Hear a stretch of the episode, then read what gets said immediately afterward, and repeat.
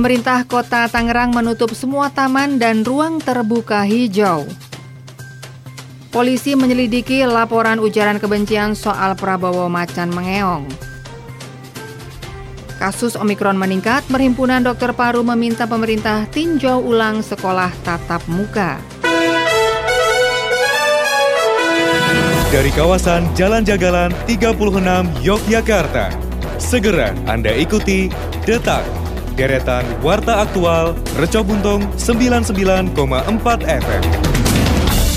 Selamat petang pemirsa, itulah tadi beberapa informasi yang dapat Anda ikuti dalam program Detak Deretan Warta Aktual Reco Buntung edisi hari ini Senin 24 Januari 2022. Saya Asik Eka Dewi, segera kita menuju informasi pertama. Detak deretan Warta Aktual Reco Buntung.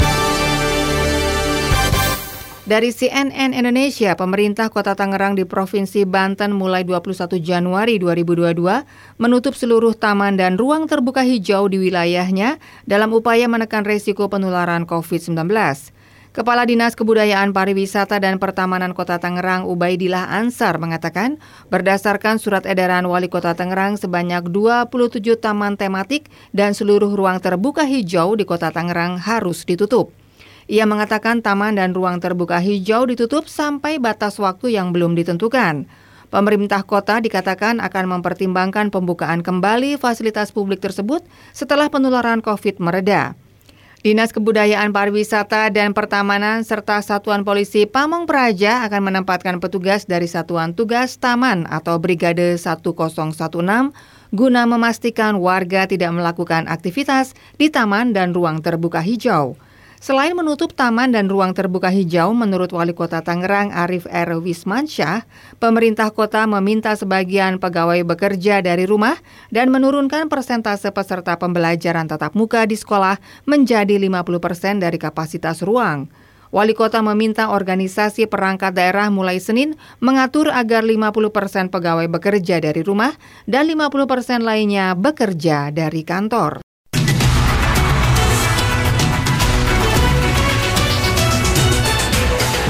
Pemirsa polisi menerima laporan yang dibuat oleh Ketua DPD Gerindra Sulawesi Utara, Koni Lolita Rumondor, atas dugaan penghinaan di media sosial terhadap Menteri Pertahanan Prabowo Subianto oleh Edi Mulyadi. Demikian Kepala Bidang Humas Polda Sulut Kombes Jules Abraham Abbas saat dikonfirmasi Senin 24 Januari. Ia menyebutkan bahwa saat ini kepolisian tengah melakukan pendalaman dan penyelidikan terhadap laporan tersebut. Jules menjelaskan bahwa Edi dilaporkan atas dugaan peristiwa tindak pidana ujaran kebencian di media sosial. Adapun laporan itu berkaitan dengan cuplikan video Edi yang menyebut Prabowo seperti macan yang jadi mengeong. Belum diketahui secara lengkap mengenai konteks ataupun kapan waktu video tersebut diambil. Namun cuplikan video tersebut tersebar dan menjadi viral di media sosial.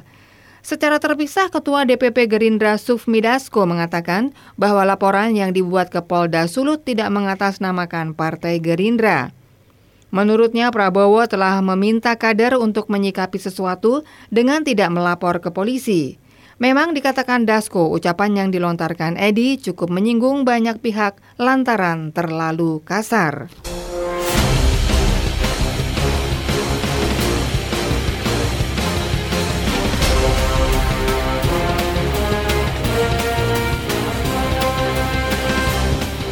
Pemirsa kasus Omikron meningkat, Perhimpunan Dokter Paru minta pemerintah untuk meninjau ulang sekolah tatap muka. Kompas.com mengabarkan Ketua Pokja Infeksi Pengurus Pusat Perhimpunan Dokter Paru Indonesia Erlina Burhan meminta pemerintah meninjau ulang kebijakan pembelajaran tatap muka atau PTM di sekolah seiring dengan meningkatnya kasus COVID-19 akibat penularan varian Omikron. Erlina menyarankan anak-anak usia 6 hingga 11 tahun menerapkan pembelajaran secara daring sampai kasus COVID varian Omikron dapat dikendalikan. Erlina mengatakan kebijakan untuk kembali menerapkan belajar dari rumah secara daring bisa mendapatkan pertimbangan dari pemerintah mengingat anak usia 6 hingga 11 tahun belum banyak mendapatkan vaksinasi COVID. Lebih lanjut, Erlina mengatakan saat ini sudah banyak sekolah yang memutuskan untuk tutup sementara setelah ditemukan kasus COVID-19 dari para peserta didik dan juga para guru. Status terkait risiko COVID-19 Pemerintah Republik Indonesia menetapkan empat status orang terkait risiko virus corona atau COVID-19.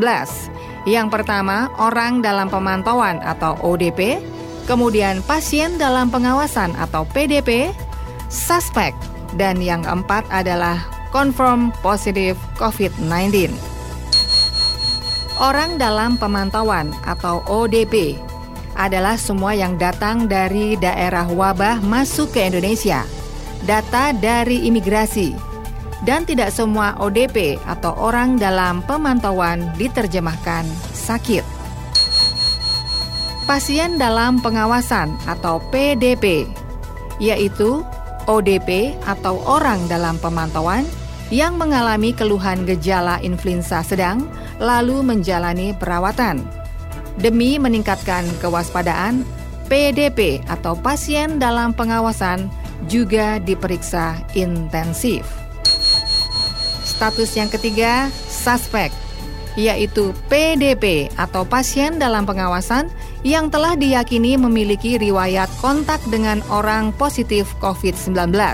Hasilnya setelah observasi ada dua, yaitu negatif atau positif.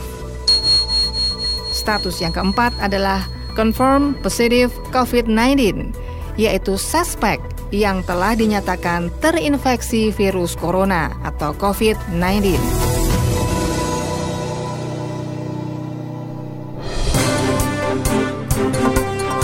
Pemirsa, kita hentikan sejenak detak reca buntung untuk kita ikuti kumandang adzan maghrib untuk daerah istimewa Yogyakarta dan sekitarnya.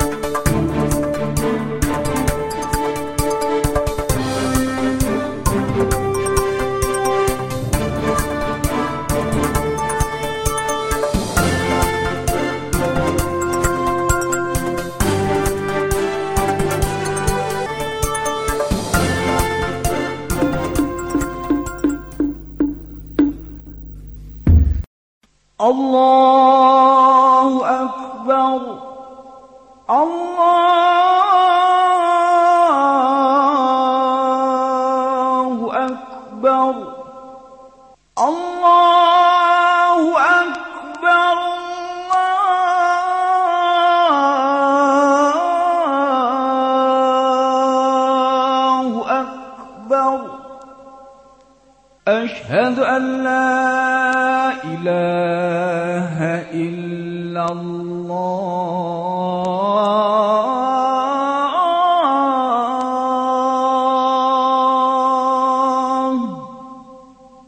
أشهد أن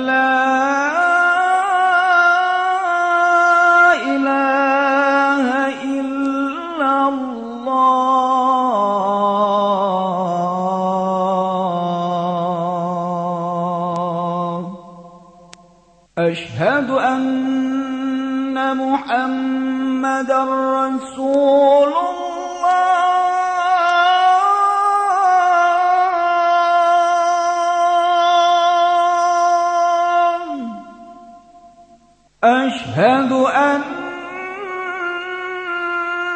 محمد رسول الله.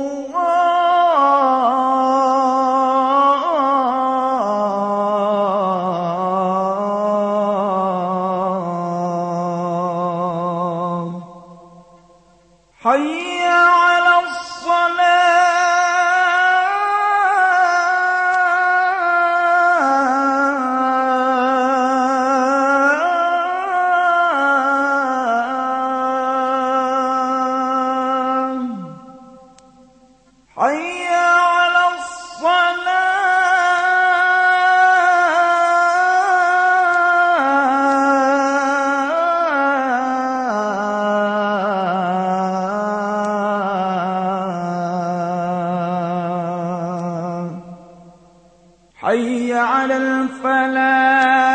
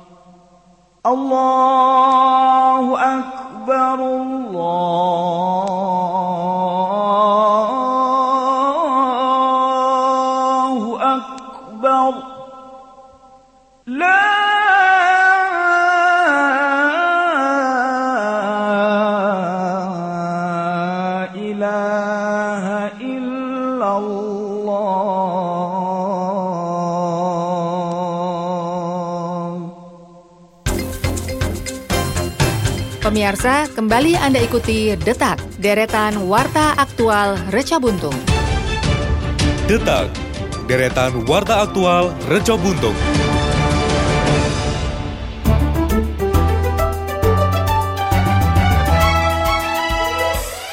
Baik pemirsa, masih Anda ikuti Detak, deretan Warta Aktual Reca Buntung bersama saya Asik Eka Dewi. Segera akan hadir rekan-rekan reporter yang akan menyampaikan beberapa berita daerah di segmen Jogja Selintas. Baik, terima kasih rekan Asik Eka Dewi. Pemirsa Jogja Selintas kami awali dari Sleman.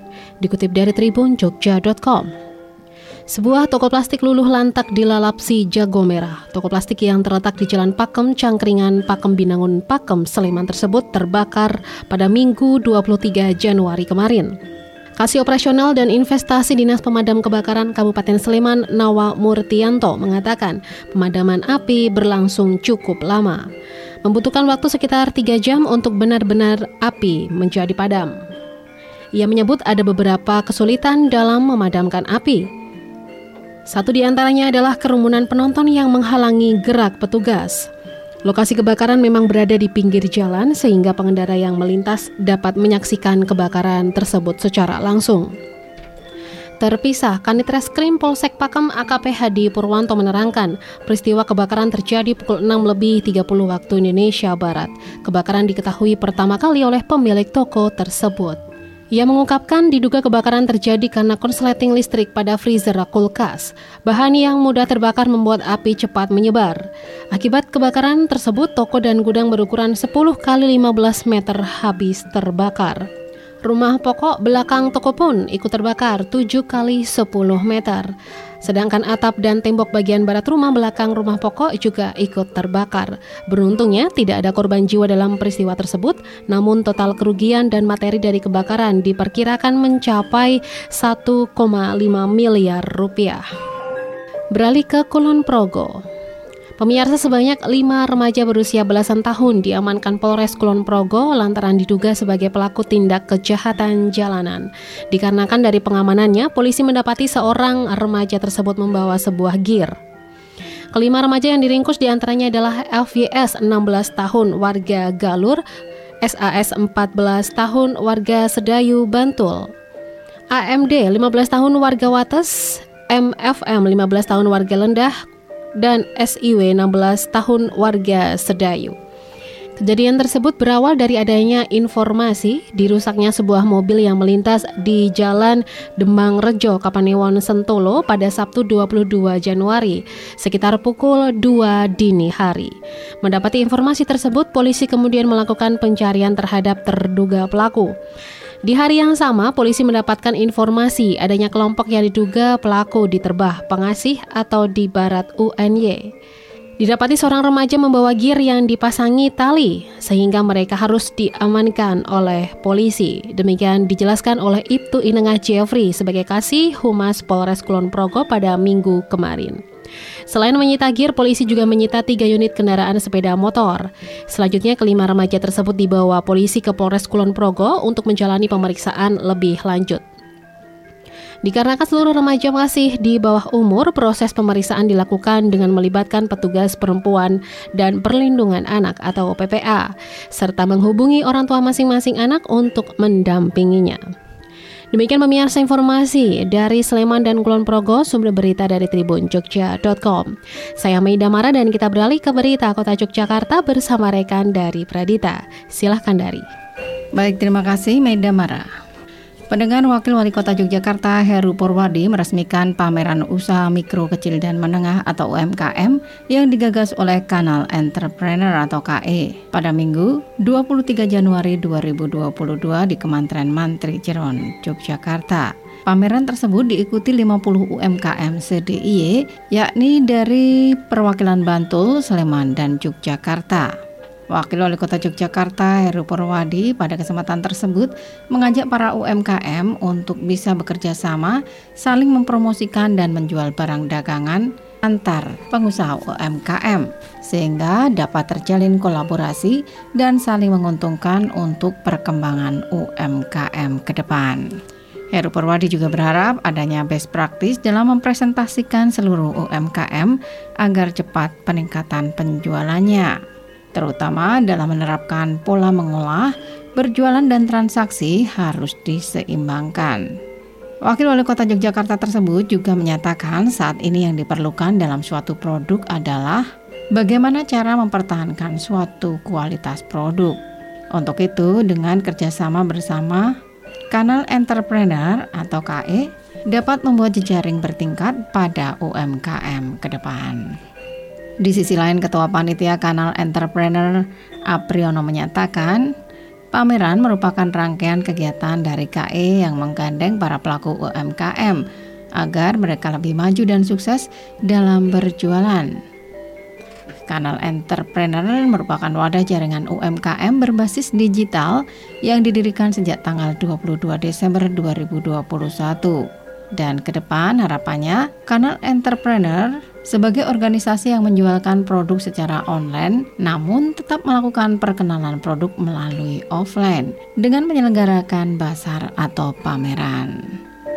Pendengar Kelurahan Suryat Majen, Kementerian dan Rejan Kota Yogyakarta terus melakukan inovasi guna menarik wisatawan untuk berkunjung. Setelah sukses dengan Taman Serambi Surga atau Serambi Suryat Majan River Garden yang berlokasi di Kampung Ledok Majanan, kelurahan ini juga akan membuat pelataran Niyoko Cokro. Menurut Lurah Kelurahan Suryat Majan Wedo Satyo Negoro, konsep pembangunan di Kelurahan Suryat Majan adalah mengintegrasikan potensi-potensi seluruh kampung menjadi satu jalur pariwisata dengan keunggulan masing-masing. Wedo Satyo juga menyatakan pelataran Niyoko Cokro nantinya dapat digunakan sebagai tempat wisata dengan konsep seni dan budaya di mana akan ada panggung untuk ekspresi dan apresiasi seni budaya, sekaligus menarik wisatawan berkunjung, sehingga dapat meningkatkan ekonomi masyarakat secara luas. Pihaknya juga menyatakan dipilihnya Kampung Cokro Dirjan karena kampung tersebut memiliki potensi seni dan budaya yang sangat menonjol, baik kesenian tradisional Karawitan dan juga memiliki bergodo yang dinamakan Bergodo Cokro Dirjo. Selain kampung Cokro Dirjan, nantinya juga ada kampung-kampung yang berada di Kelurahan Surat Majan yang memiliki beragam potensi, baik berupa kampung jambu, kawasan pedestrian Kalicode, kawasan kuliner, jalur sepeda, kampung budaya, kelompok tani, co-working space, angkringan dari hasil pertanian, dan masih banyak lagi. Dengan beragamnya potensi yang ada, diharapkan wisatawan bisa menikmati berbagai potensi yang ada di Kelurahan Suryat Majan. Sementara itu, Wakil Wali Kota Yogyakarta Heru Purwadi juga mengapresiasi konsep pembangunan yang dilakukan di Kelurahan Suryat Majan. Wakil Wali Kota juga berharap dengan adanya konsep tersebut akan menambah kesejahteraan masyarakat Kelurahan Suryat Majan. Demikian informasi dari kota Yogyakarta, saya dari Pradita. Segera kita menuju ke rekan Widya kita. Ya, terima kasih dari Pradita. Pemirsa bersama saya Widya akan saya sampaikan informasi dari Bantul dan Gunung Kidul. Namanya Vera Kay. Dia perempuan asal Bantul yang berhasil mengembangkan usaha jasa reparasi dan make up boneka bernama Dol Bodol. Dari tangannya ia bisa memperbaiki boneka yang rusak dan mempercantiknya dengan polesan make up. Tidak hanya boneka dengan tema lucu dan cantik, Vera Kay juga banyak menerima pesanan boneka bertema horor. Kini ia semakin disibukkan dengan permintaan reparasi dan make up boneka setelah belakangan viral tentang boneka arwah atau spirit doll. Banyak sekali permintaan untuk make up boneka arwah untuk mempercantik bonekanya bahkan saat ini harus inden hingga bulan Mei. Yang dia kerjakan saat ini adalah pesanan dari bulan Oktober.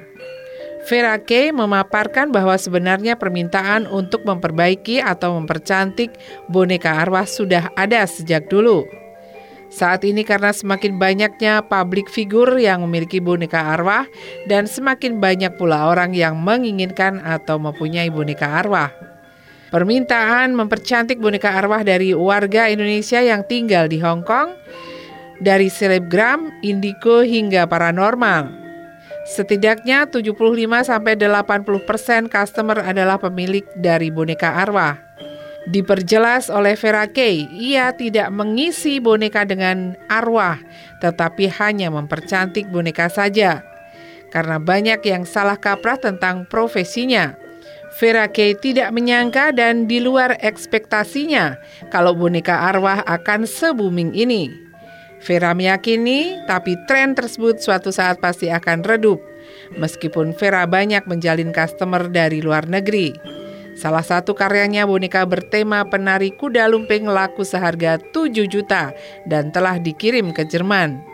Demikian juga boneka bertema horor yang dibuatnya juga laris manis di pasaran. Bagi customer luar negeri, mereka melihat boneka sebagai sebuah karya, bukan hal yang berbau spiritual.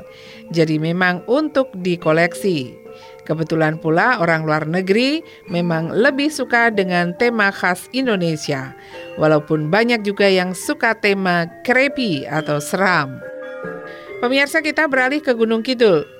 Jumlah kasus aktif COVID-19 di Kabupaten Gunung Kidul berkurang pada minggu lalu. Terdapat pasien yang dinyatakan sembuh dan tidak ada kasus baru terkonfirmasi positif COVID-19. Kepala Dinas Kesehatan Gunung Kidul Dewi Irawati menyampaikan bahwa nihilnya kasus baru terkonfirmasi positif berlangsung selama dua hari terakhir. Merujuk data yang diberikan pasien yang dinyatakan sembuh tersebut merupakan warga asal Kapanewon Pojong. Dewi menyampaikan saat ini yang tersisa merupakan kasus aktif asal Gedang Sari satu kasus, Wonosari satu kasus, dan Pelayan tujuh kasus. Kasus aktif yang ada pada saat ini salah satunya berasal dari klaster keluarga. Sampai hari ini total ada 9 kasus aktif COVID-19 dan dalam perawatan serta isolasi mandiri. Dewi meminta masyarakat tetap menegakkan protokol kesehatan saat beraktivitas. Sebab meski saat ini terbilang landai, potensi penularan dari virus ini tetap masih ada. Terlebih saat ini aktivitas hingga mobilitas masyarakat sudah meningkat dan akses keluar masuk daerah sudah terbuka. Nah pemirsa demikian tadi informasi dari Bantul dan Gunung Kidul sumber berita tribunjogja.com. Selanjutnya kita kembali ke rekan Asik Eka Dewi untuk menyampaikan informasi yang terakhir.